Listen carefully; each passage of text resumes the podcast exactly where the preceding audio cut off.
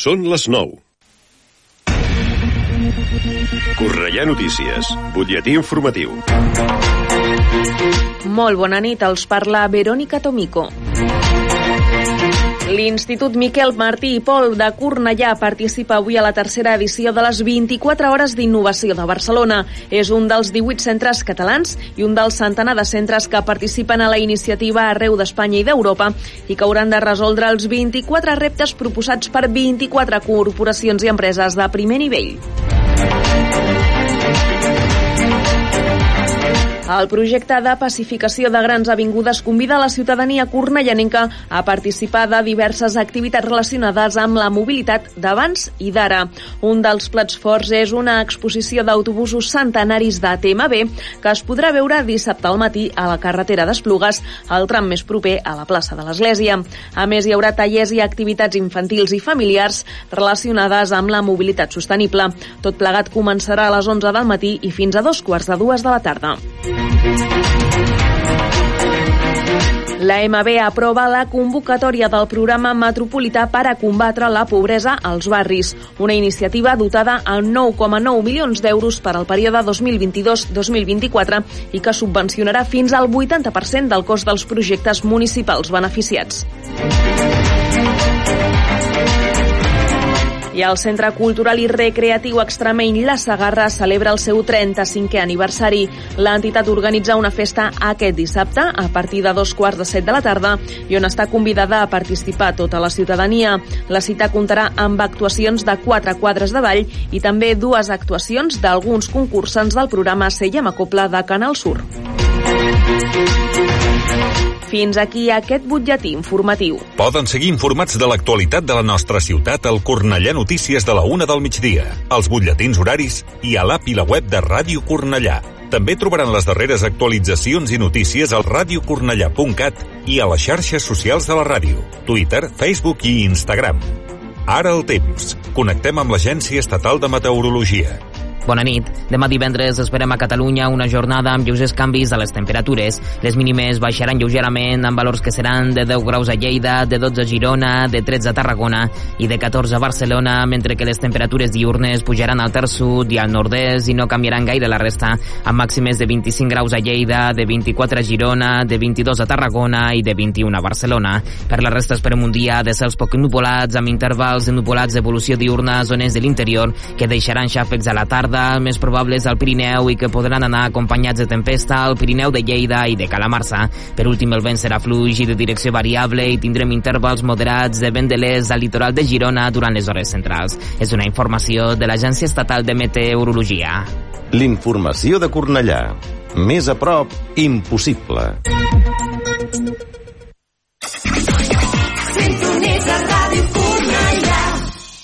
Bon vespre, són les 9 i un dijous més comença Atrapats a la Cultura.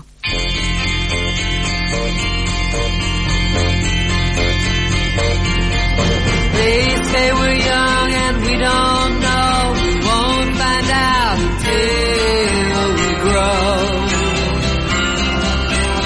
Per amb ell Murray, tots els dies era la mateixa cançoneta.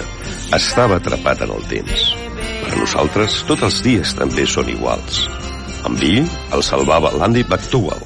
I a nosaltres, qui ens salvarà? La cultura, els llibres, el cinema, les sèries, l'art, l'oci, la gastronomia. Feu-nos cas i sentiu-vos atrapats amb la cultura. Amb la Cristina Guarro i el seu equip. I guess that's so we don't have a but at least I'm sure of all the things we got. Babe, I got you, babe. I got you, babe. I got flowers.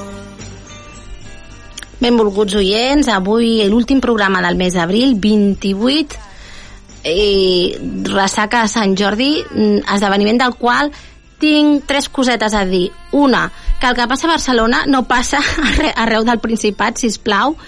Dos, que mm, per comprar un llibre tenim 365 dies, algun any 366 per comprar-ne, i tres, eh, sobre les opcions de regalar els llibres a les biblioteques, si plau. No és una bona opció.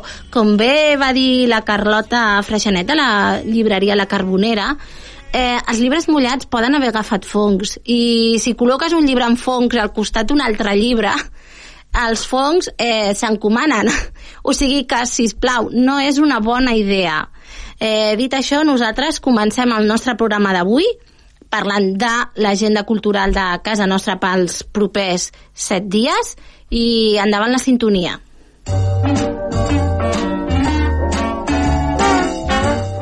Divendres 29 d'abril a les 7 de la tarda a la Sala Padró presentació de Futbols i Libros, una intriga bolsilibresca d'Alfonso Morillas. La sinopsi és la següent.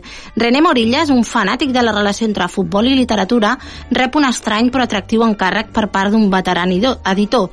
Si aconsegueix localitzar 14 bolsilibros de temàtica futbolera i gènere negre, tornarà a publicar-los dins d'una col·lecció.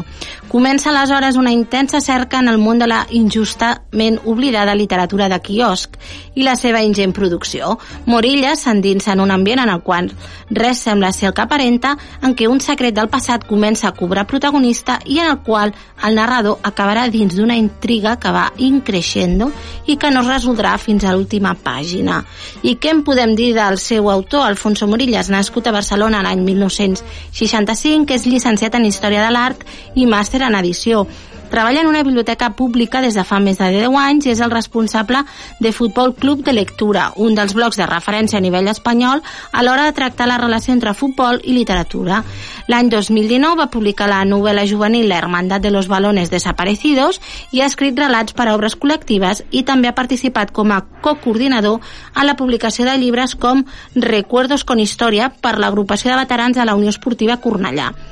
És també col·laborador del programa Radio Estadio Catalunya, a Onda Cero Catalunya, on disposa d'una secció setmanal de recomanacions de lectura de temàtica esportiva.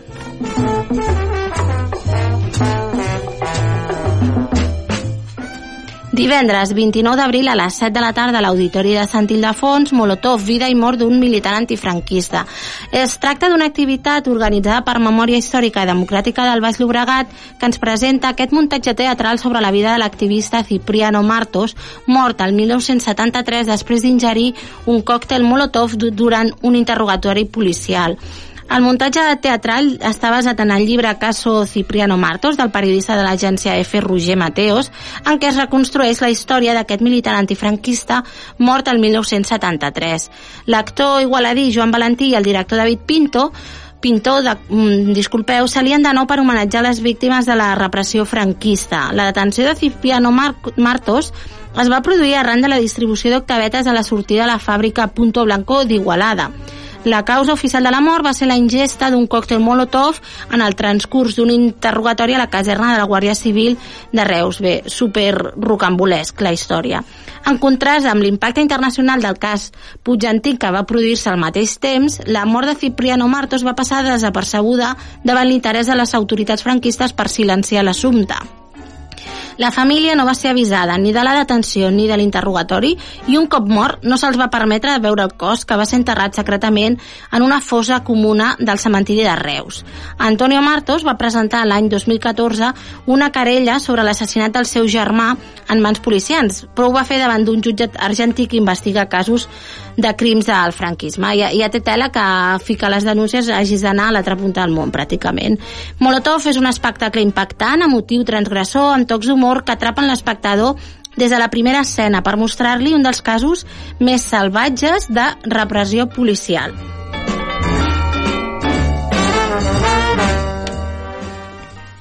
Dissabte, 30 d'abril, a quarts de set de la tarda, a la sala, a la plaça, disculpeu, Carles Navales, davant de la biblioteca i l'Auditori de Sant Ildefons, nova, nova edició de concert sonoritza 0840, en fas en FAS, Forward i Pluton. L'Ajuntament de Cornellà promou la campanya Sonoritza 0, 0, 08940 adreçada a artistes musicals i vinculades amb la ciutat de Cornellà per tal d'elaborar una base de dades pública a la qual puguin tenir accés, a més, l'Ajuntament mateix, entitats, persones i empreses promotores d'esdeveniments i fins i tot particulars que puguin estar interessats en la contractació d'actuacions musicals. Aquesta iniciativa té la finalitat de donar a conèixer els diferents artistes musicals de la ciutat i parlarem parlem-ne eh, una miqueta dels, dels concerts d'aquest dissabte.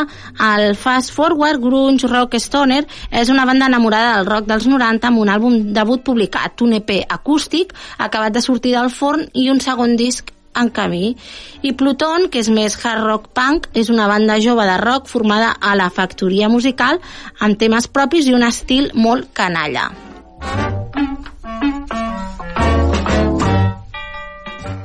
Dissabte, 30 d'abril, a quarts de set de la tarda, a la sala Padró Bonvent i Bona Natura.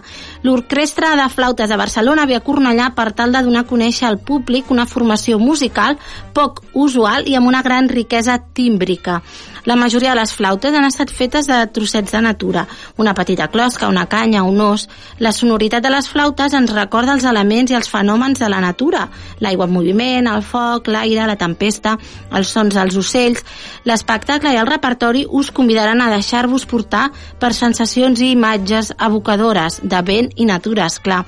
L'Orquestra de Flautes de Barcelona neix l'any 2005 sota la direcció de Vicenç Prats, és flautista solista de l'Orquestra de París, amb el propòsit de donar a conèixer un tipus de formació musical poc freqüent al nostre país.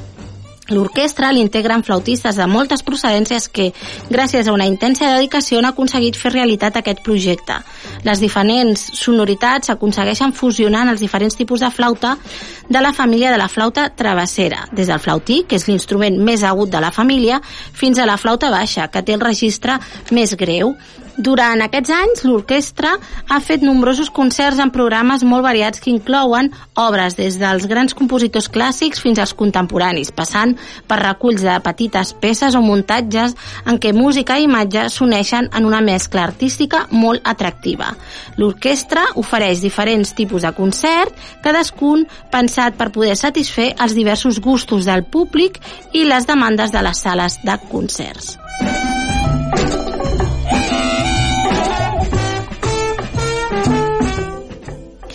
I diumenge 1 de maig a les 11 del matí celebrem el Dia Internacional de la Dansa a la plaça Carles Navales. El 29 d'abril se celebra el Dia Internacional de la Dansa des de que el 1982 la UNESCO així ho establí seguint la iniciativa del Comitè Internacional de la Dansa amb l'objectiu de promoure la dansa arreu del món. La dansa és tant una forma d'art com un mètode de comunicació en les cultures d'arreu i és practicada per milions de persones. Amb aquest Dia Internacional es pretén promoure aquesta disciplina i donar-li un reconeixement dins la nostra societat, així com aproximar la dansa a la gent animant-la a assistir-ne a espectacles o practicar-la tant si són professionals o amateurs. Al llarg del matí, les escoles de dansa de Cornellà i entitats culturals del municipi faran una exhibició de diferents danses i balls, hi haurà tallers per fer un tastet de diferents disciplines de dansa i hi haurà un espai infantil amb inflables i activitats lúdiques, amb la dansa com a protagonistes perquè petits i grans en gaudeixin en família. Per tancar la jornada, o sigui, la cirereta del pastís serà per part de la companyia José Manuel Álvarez, que actuarà amb Rumbòdrom, un espectacle que també participarà un col·lectiu de dones de Cornellà. I es tracta d'una activitat gratuïta.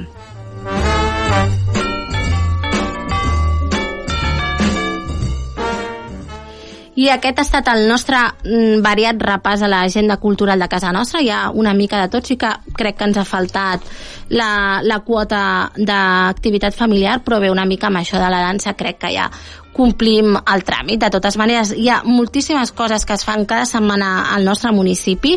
Us animo a consultar la web de l'Ajuntament, allà a l'agenda cultural. Podeu filtrar, hi ha mil coses per fer i per descobrir. Estàs escoltant Atrapats amb la cultura. And I'm feeling good.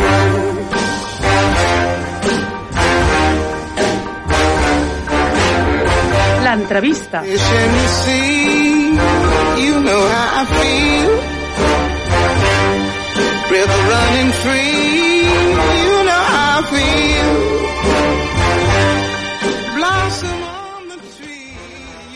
X és el primer àlbum de Projecte Infinit, o sigui, Oriol, Oriol Sauleda, que és el rapsode pu eh, poeta que posa veu, i el Xavier Vallverdú al piano. Eh, X es publica demà divendres 29 d'abril, es pu- publicarà, bueno, es, punja, es penjarà a la web i per parlar ens acompanya el Xavier Vallverdú. Bon vespre, Xavi. Hola, què tal? Eh, deia que és el, és el vostre primer, primer àlbum o, o enregistrament, ara en parlarem una mica perquè és bastant peculiar, però vosaltres com a projecte mm, ja fa 10 anys. Sí, exacte. En realitat, clar, és un, un projecte molt particular i, i li teníem cert pànic al, al fet de gravar-lo. I tant pànic que, bé, doncs és que ens ha costat 10 anys decidir-nos a, a publicar el, aquest primer disc. Tot i que l'any passat ja vam publicar algunes coses, però com a disc, com a tal, eh, sí, sí, és el primer en, després de 10 anys. I quina és la filosofia tan particular del vostre projecte? Doncs, de fet, és, és el que ens va unir a, a l'Oriol i a mi, que és que en, bueno, ens va presentar una amiga, com, mira, l'Oriol és el meu amic poeta que improvisa en poesia i el Javi és el meu amic pianista que improvisa amb el piano, us heu de conèixer. I així va com- començar doncs, tant la història del projecte com la nostra amistat, com fins i tot la nostra forma de, de relacionar-nos, no? I és que els dos creem alhora, l'Oriol amb la poesia o la paraula i, i jo amb el piano, i tot el que fem doncs, és això, és creació en viu. Clar, per tant, o sigui, has remarcat el, aquest verb a, mm, improvisar i també entenc que l'espontaneïtat, que són les claus de les vostres actuacions, i aleshores, eh, com es fa per enregistrar un àlbum sense perdre aquesta essència? doncs per això et dic que, que ens ha costat tant de temps, no? Havíem fet algunes proves i no ens n'havien sortit. I al final, bé, el que hem fet és gravar sessions en viu. Eh, de fet, això vam anar a la Bombonera, a Caldes de Montbui, i, i vam gravar, doncs, eh, diguem, tres sessions en viu, de les quals pràcticament no hem retallat res, però sí que hem fet una petita edició després com per poder-ho posar en el disc, no? perquè un dels problemes és el temps, no? que el temps és limitat en un disc i, i, el, i el projecte, com bé diu, és infinit. I, i bé, potser el que més ens costava era decidir-nos a, a agafar talls. No? De, Ah, la, sele la selecció, no? Exacte. I al final el que hem aconseguit és fer com eh, sessions més o menys curtes que ens hi càpiguin al disc. De fet, és un vinil de dues cares de 20 minuts i pràcticament sí que ha sortit de tres sessions, però pràcticament són dues sessions íntegres i uns trossets de l'altra sessió que hem fet servir com per introduir el, el, el disc, no? Fragments d'una tercera, eh, tercera actuació, diguem-ne. Per tant, deies que és vinil. Jo, per, per la imatge que he vist del vostre del, del disc, que així la portada, trobo que, no sé, sembleu uns romàntics o no sé si és que us enyoreu. Bé, a, a veure, això també, aquesta portada, com bé dius, bueno, la gent podrà veure-la, eh, també ha sortit no, al final d'una improvisació no, amb, la, amb la fotògrafa, l'Alba Rodríguez, que, uh -huh. que ens va fer les fotografies. No era el plantejament, volíem fer la fotografia només del piano, al final vam sortir nosaltres també i bueno, suposo que la gent quan la vegi pues, es pot sorprendre una mica de, de, de la portada, però va ser fruit de- d'això, de, del jugar no? amb, amb, pues, en el moment i amb la fotògrafa i, i anar-nos animant i, i, bueno, que no és ni fruit de la reflexió, no? sinó de, del moment i de... Bueno, de, de, de la improvisació, no?, que tant Exactament. us caracteritza. Eh, jo deia això de la portada, no diré ben bé com és, sí que és bucòlica, i jo no sé si també potser l'altra lectura que, que en podríem fer és que jugueu amb, amb la paraula i amb la música i, en certa manera, o sigui, reflectir una mica la senzillesa. Sí, la senzillesa, la cruesa, no? El, el fet de... O sigui, al final nosaltres ens mostrem a l'escenari tal com som, que tenim un, un diàleg en, la, en el nostre propi llenguatge, és a dir, no... Bueno, és el més natural possible. Eh, molt bé. Eh, mm, dèiem, i hem parlat del piano, d'en Puc. Sí. Eh, què ens es pots explicar? Perquè té una història particular, també. Exacte, bé, al final havíem de buscar un fil conductor no? en, en aquest sentit i, i hem trobat que el, que el piano vull dir, és, és el- l'element diguem, extern que ens uneix. Eh, en Puc, Puc és, és un nom bé, ve de la literatura, no? és un personatge de Shakespeare, Uh -huh. Eh, i, I en Puc, al final, bueno, ha sigut pintat per, per, en, per el Marc Bacardú, també, que, bé, que va, va fer aquesta obra, diguem, plàstica sobre el piano, que és el que... Bé, aquest piano és el que ens acompanyarà de gira per presentar aquest disc. Sí, Que una, una té tant- Sí, sí, sí. té tanta Bé, importància. Sí, té, home, té, té, una història curiosa, en Puc. Eh, una gira que deies que come- comenceu la setmana que ve, del 3 al 8 de maig, i us portarà per Vic, Arbúcies, Puntós, Berga, Tivissa, eh, Tivissa, perdó, Tarragona i el Molà. I que la fareu també acompanyats de... Bueno, sou sis membres, no? Mhm. I Sí. després... Sí, Si, I- si vols t'explico una mica Sí, sí, la sí, idea, tant. no? Perquè, clar, has dit els noms de, de, diguem, dels llocs on tenim parades Sí. programades. El que passa és que aquest, aquesta gira de presentació que fem la setmana que ve, clar, d'un disc que és una gravació d'una sessió improvisada, com es presenta aquest disc, no? Això també ens va portar una mica a veure com ho un, fem. altre, un nou dilema, no? Exacte. I al final, doncs, com tot, ho farem amb la major naturalitat possible, que és que carreguem en puc a la furgoneta i allà on ens vingui de gust parar i, i, bé, i muntar, diguem, el nostre escenari, doncs és el que farem. Eh, sí que ens hem marcat una mica una ruta Ahà. per, per, bueno, per tindre alguns llocs previstos, no? i sobretot perquè, bé, com que hi ha complexitat, diguem, a l'hora de, de muntar una gira, doncs almenys tindrem unes referències, però bé, a part d'aquests llocs on has dit, se'ns pot trobar a qualsevol lloc de, de doncs, per exemple, entre Puntós i Berga, no sabem on pararem, però segur que algun, algun lloc farem parada. Llavors, aquesta és una mica la filosofia, també. Val, suposo que us haurem d'anar seguint a través de xarxes socials, no? Per Exacte. saber... Exacte. Eh, parlaves de la furgoneta, però que també l'heu batejada. Sí. Bé, l'Oriol, que és, és l'home de les paraules, eh... bé, li va posar el nom de Max eh, no, no per casualitat. Max és, era el nom del, del cavall amb el que Santiago Rossinyol va fer la seva, diguem, gira també per Catalunya. Això qui, qui sàpiga una mica de la història de Rossinyol sabrà que, que van fer una gira amb, amb carro i, i bé, doncs, no deixa de ser un referent que tenim no, en aquest sentit. Bé, bé, no? Doncs dos referents, tant en Puc com en Max, eh, força clàssics, eh? com una mica. I mm, dèieu a la, a la presentació, com a mínim a la informació que, que m'heu fet arribar, que també volíeu reivindicar una mica la, la feina aquesta de formiguetes que es fa als llocs de, a veure, de fora de Barcelona. Al final jo crec que els que estem fora de Barcelona ciutat, no? Doncs una mica també que has de mm, treballar més fort o sobretot perquè se senti el que feu. Sí, tant, tant per aquest costat, que de fet mm, vull dir, els dos som de, de fora del que seria Barcelona, com per l'altra banda, no? fer arribar també la cultura als pobles petits o, o a qualsevol lloc que, que estigui fora de la centralitat.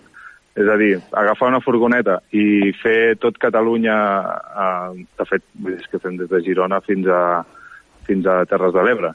Uh -huh. Eh, però no passem per Barcelona.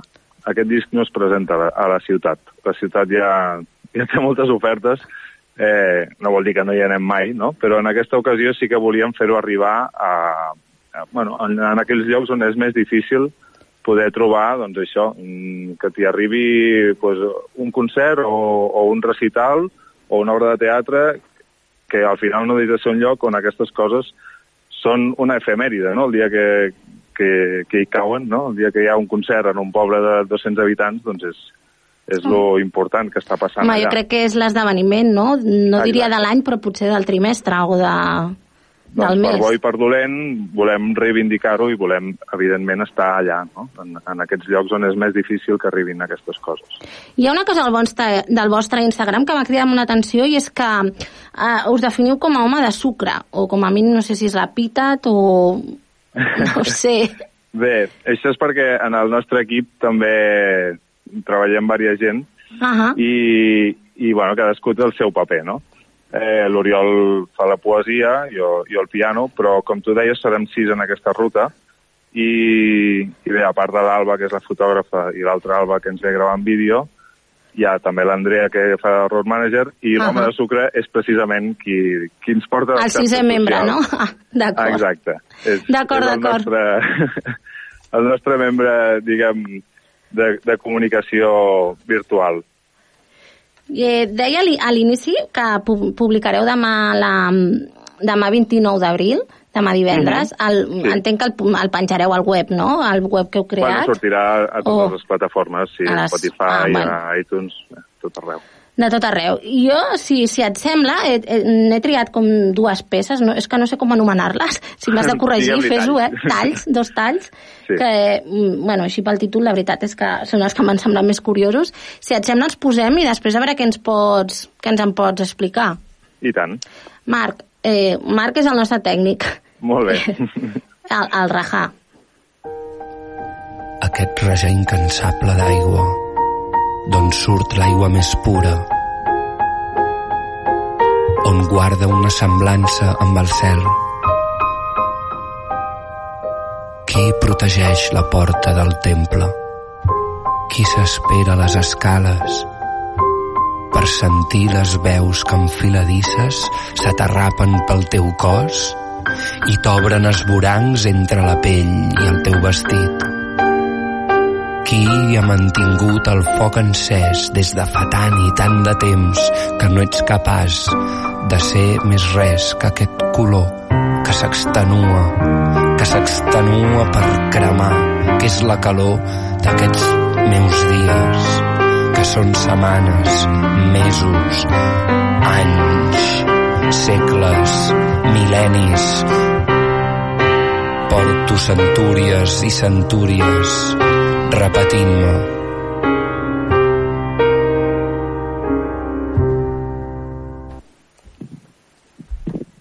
Doncs eh, tu mateix, Xavi. eh, bueno, això, això realment descriu bé la, la, el que és l'essència de l'infinit, no?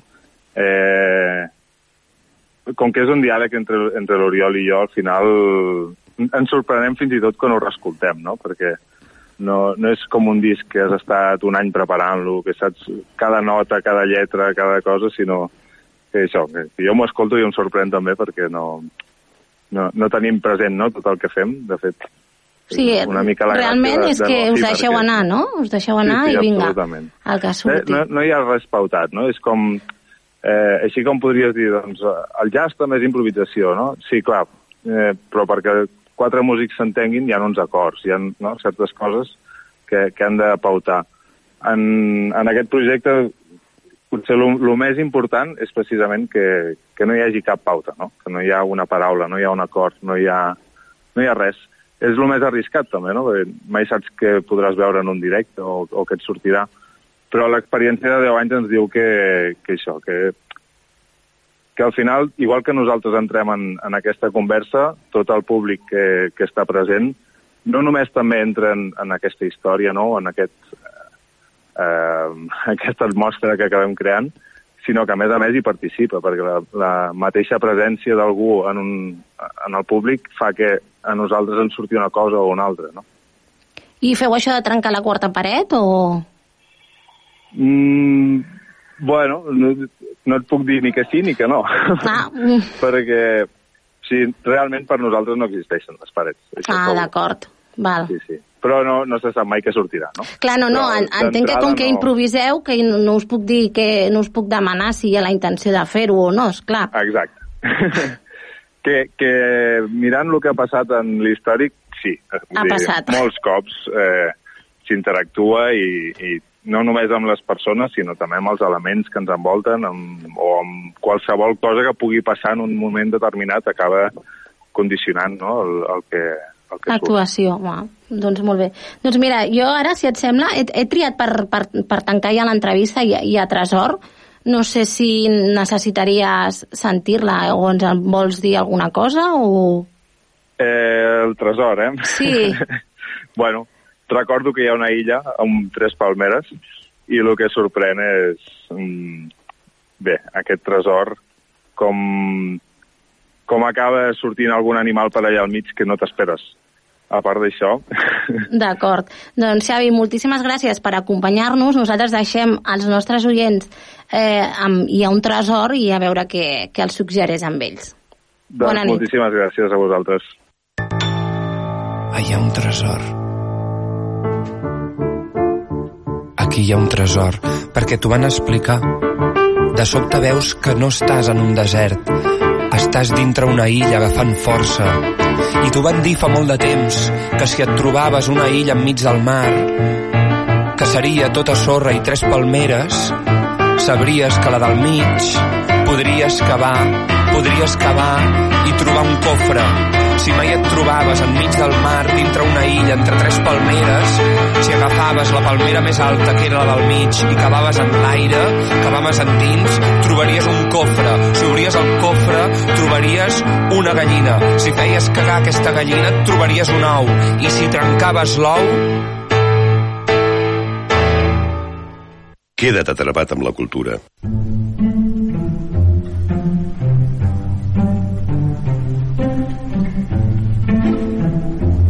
Els llibres que em fan feliç, parada rock.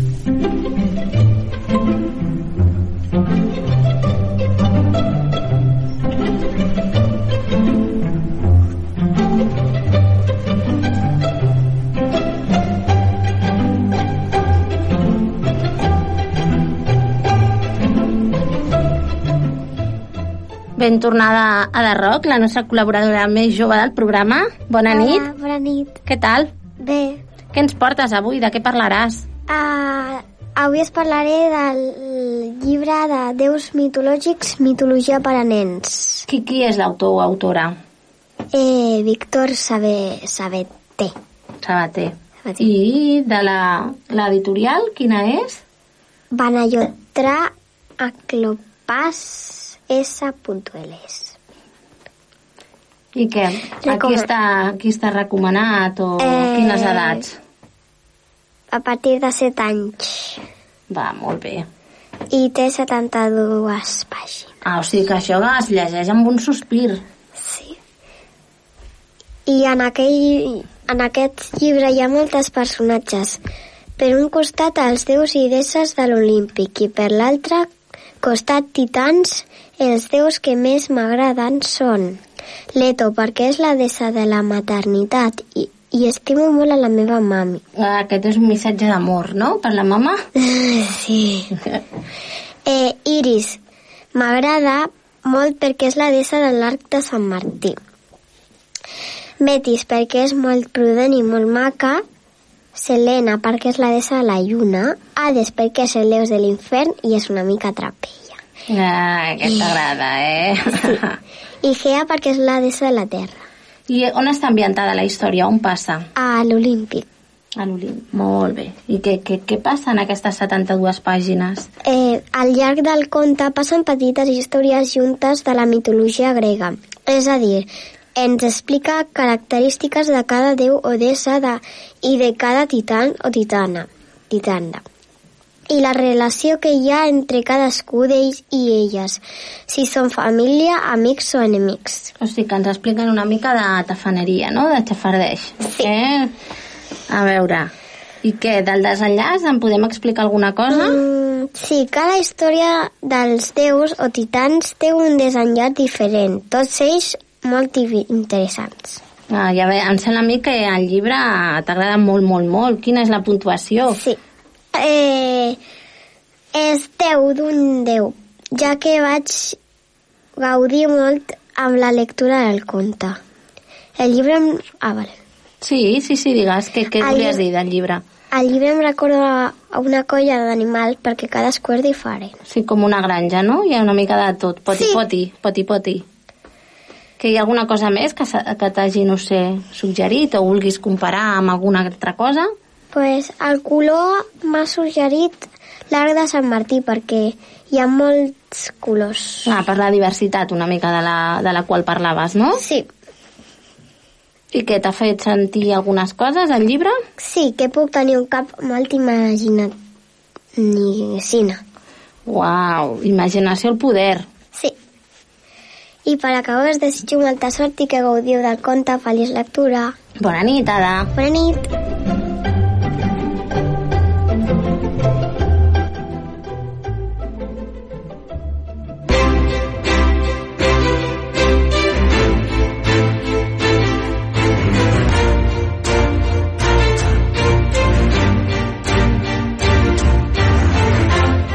I parlem de música clàssica, si és gaire, gaire llunyana o no, això ens ho dirà el nostre tècnic, el Marc Fort. Bona nit.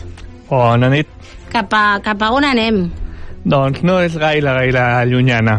Bueno, una mica sí, però no tant com altres altres vegades. De, de fet, ens en anem a una dona de, dels Estats Units que Deu abans... ser la primera, la primera persona dels Estats Units de la qual hem parlat en aquesta secció. Tant home o Doncs- dona. Doncs no? Sí, sí, Sí, sí. sí.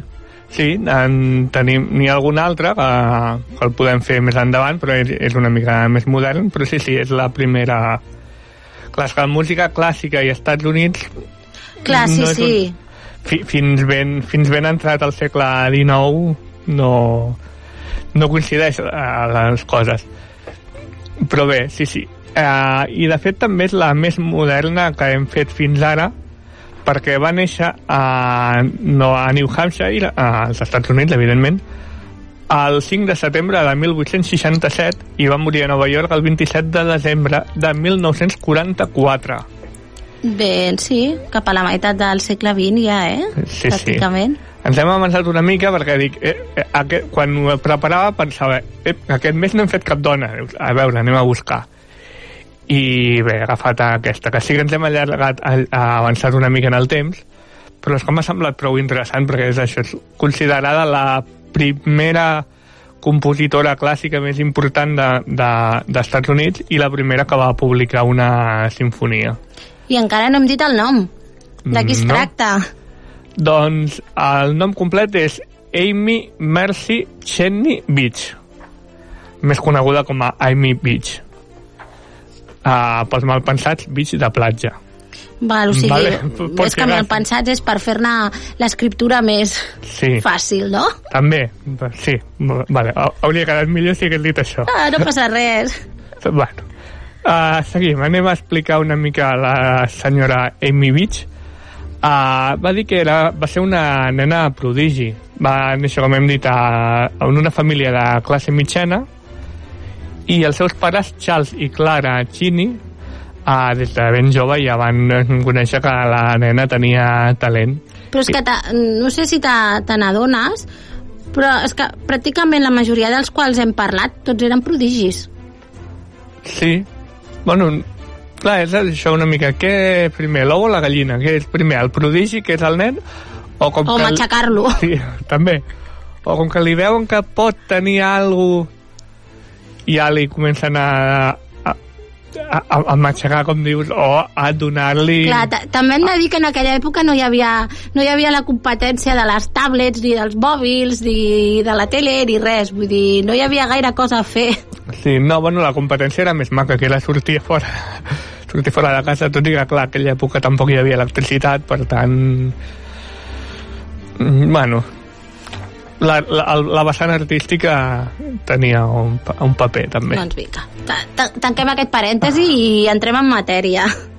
Doncs bé, com això, com hem dit, era musicalment considerada precoç, cantava per harmonia improvisada a l'edat de dos anys. Potser que sí que hi havia una mica de talent aquí. Però bé, uh, què més? Componia als 4 anys i comença els estudis de piano amb la, amb la seva mare, que era uh, pianista i cantant també ja una mica famosa. Per això potser potser es pot notar aquí una mica que veiés que hi havia talent perquè al ser pianista ella doncs va, ja va, va, li va veure futur a la, a la nena què més? a l'edat de 6 anys començava les classes de piano no, a, i, sí, als 7 anys va començar a fer els primers concerts a aquests concerts com, com, avui se m'obliden les paraules Ui, ui, ui. aquests concerts tenien obres de Händel, Be- Beethoven, Chopin o peces pròpies. Va, o sigui, el repertori d'altris Sí. i propi. Sí, bueno, de, de compositors així de poc coneguts. Bé, segui, seguim. Uh, el 1875, és a dir, quan ella tenia uns 7-8 anys, la família es va traslladar a Boston, on allà va estudiar piano amb Ernest Peravo i Carl Birman, que no tinc el gust de conèixer, però bueno, ja, ja estudiarem qui són. Uh, dic que el Birman havia estat alumne de Franz Liszt. Aquest sí que és una miqueta més conegut. Sí, aquest sí. També va fer classes d'harmonia, contrapunt i composició amb Junius W. Hill. entre l'any 1881 i 1882. Sí, però bé, majoritàriament, tot i aquestes classes, va ser bastant auto, autodidacta.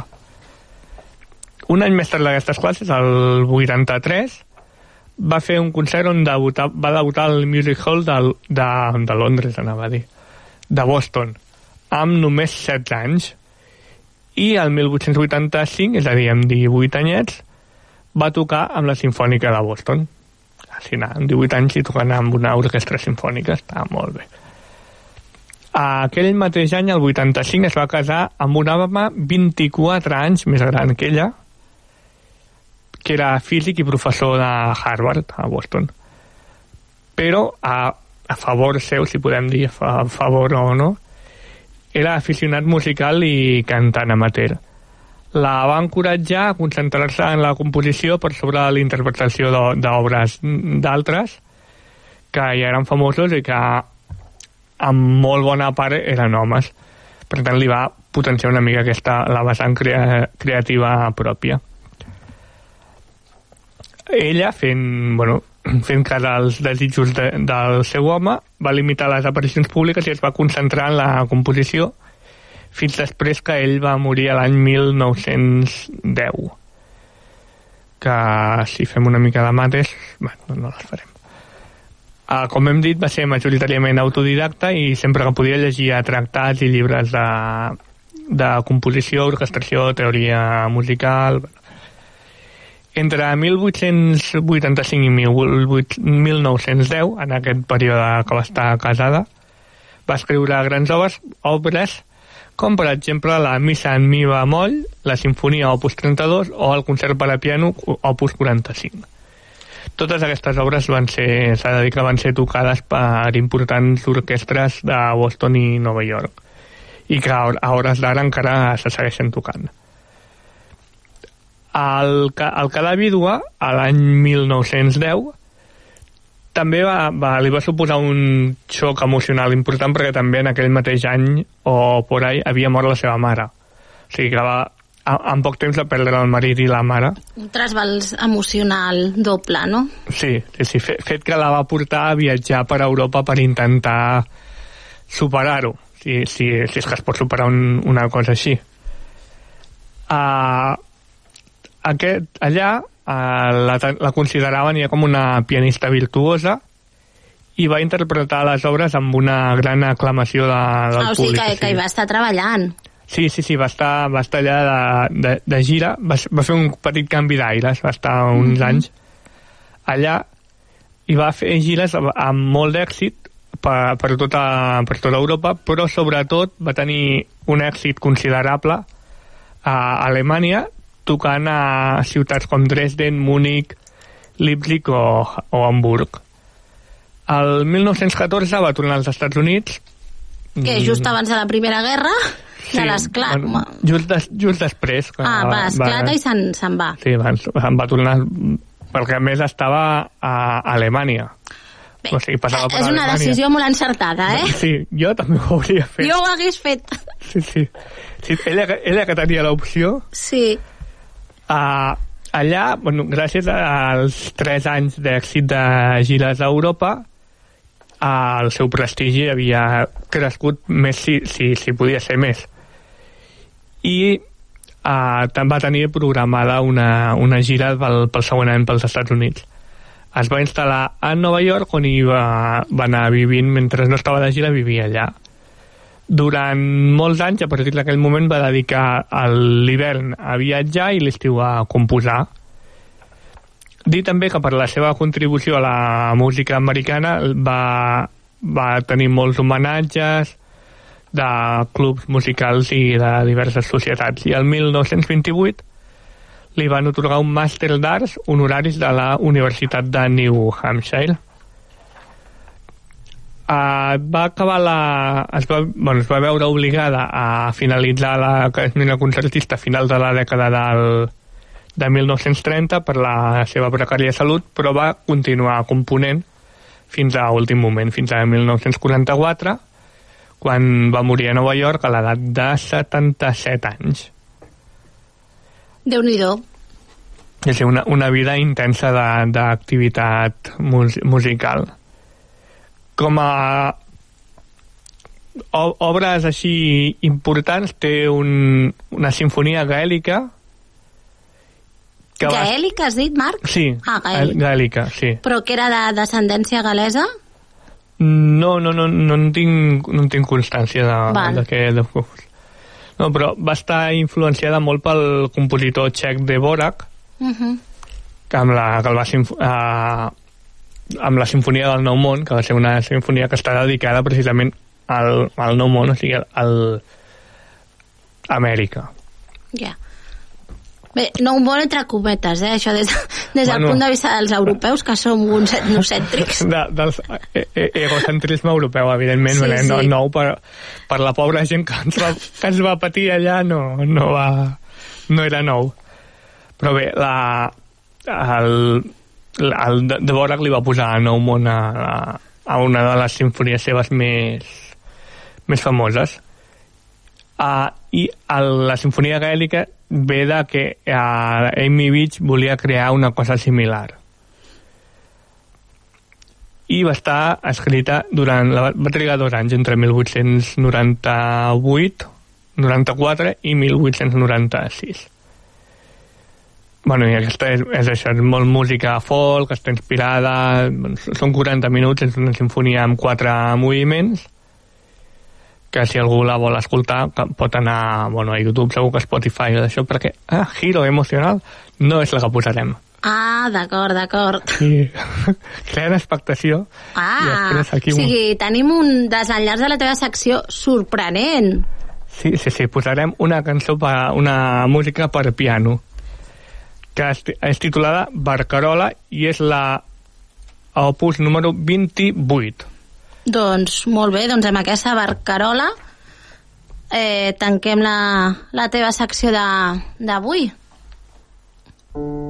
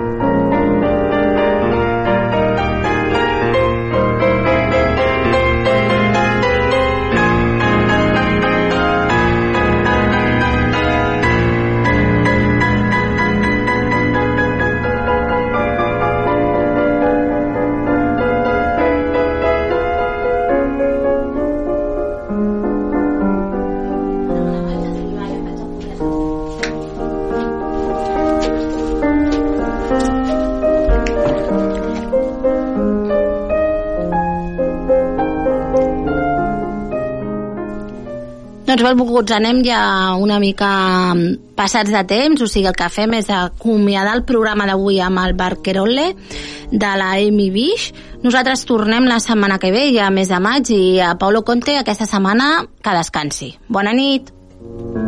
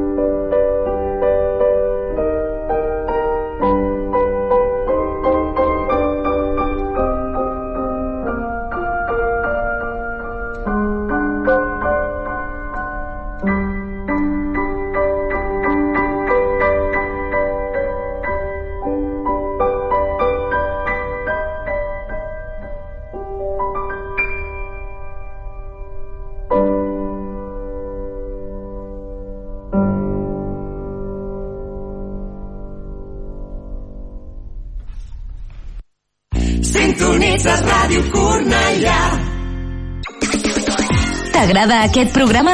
Descarrega't ja l'aplicació gratuïta Ràdio Cornellà per iPhone i Android. El podràs escoltar, compartir i descarregar. Ara, ho tens més fàcil que mai. Gaudeix de Ràdio Cornellà quan vulguis al teu mòbil.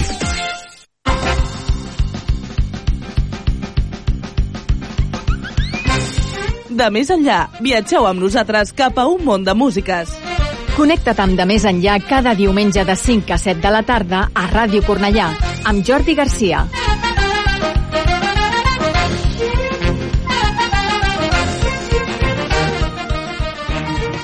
El festival musical més gran del món, a terra, a Ràdio Cornellà. 14 de maig, 8 del vespre, pressupost zero, l'esport al punt i Ona Musical uneixen les seves forces. Euro Cornellà 2022.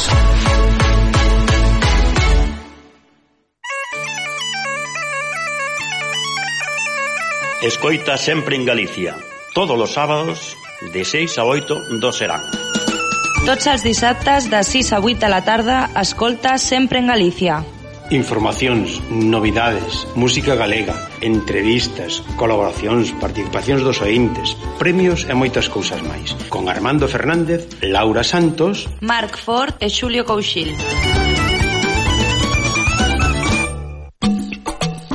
Radio Cornellá radio amiga. Mordiendo Asfalto, una parodia radiofónica no apta para todos los públicos. ¿Y para mí? Para ti no, payaso. Tots els dimarts a partir de les 11 de la nit a Ràdio Cornellà. Mordiendo Asfalto, tu programa de radio para ayudar a las personas que lo necesitan.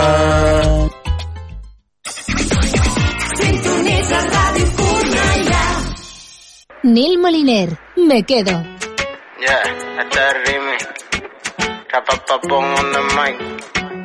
Neil Moliner, Ana Mena. Arranca, que la noche es muy larga con calma, sin prisa pero sin pausa, arranca, aunque no tengas esperanzas, al instante, no pienses en el mañana. Marzo tu cumple su recién salido, un mal parido. Desde antes de haber nacido te veo y la muerte corre como agua de río. Aquí se baila igual en una mansión que en el caserío. Un vino tinto, un flamenco de cigala. Luna de miel sin body, sin traje de gala. Al grano directo como vuelo sin escala. Me pone el corazón más rápido que una bala. Que me quedo, que me diga vida mía si te espero. Que los años pasarán y yo me muero. Sin bebernos un chupito de tequila con limón y sal. Que me quedo, te dedico vida mía hasta te quiero. Que me bebo un pedacito de tu cielo. Tú sabes muy bien cómo hacerme enloquecer. Te encanta salir de fiesta y presumir que te encanta sentirte guapo, guapa. Te encanta Aguanta, hasta que el cuerpo diga basta, aguanta. Hasta las 6 de la mañana. Es que tus manos van a hipnotizarme. Te acercas y me concedes este baile. Que me quedo, que me diga vida mía si te espero. Que los años pasarán y yo me muero.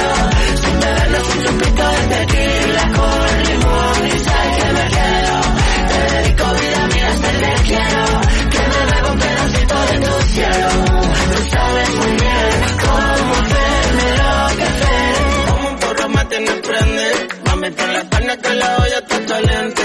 Independiente, autosuficiente. Se roba la noche como delincuente.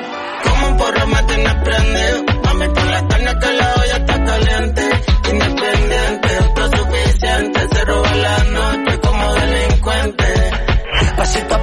Hará lo que haga falta. Poquito a poco, ahora no pasa nada.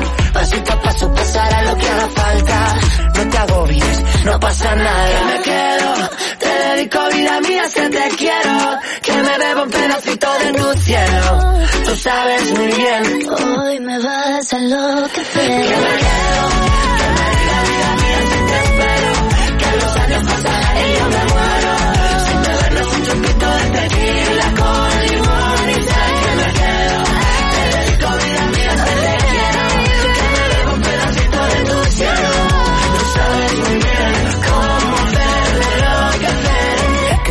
sabes muy bien cómo hacerme enloquecer. Que tú lo sabes muy bien.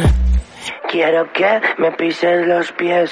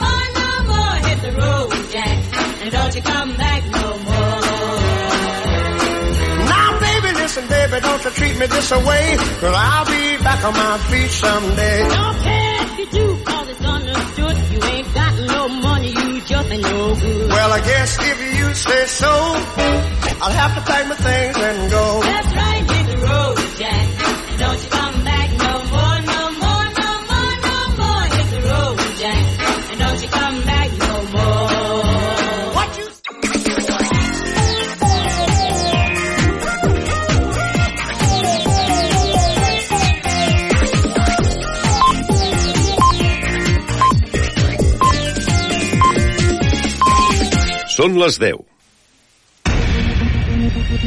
Correia Notícies, butlletí informatiu. Molt bona nit, els parla Verònica Tomico. L'Institut Miquel Martí i Pol de Cornellà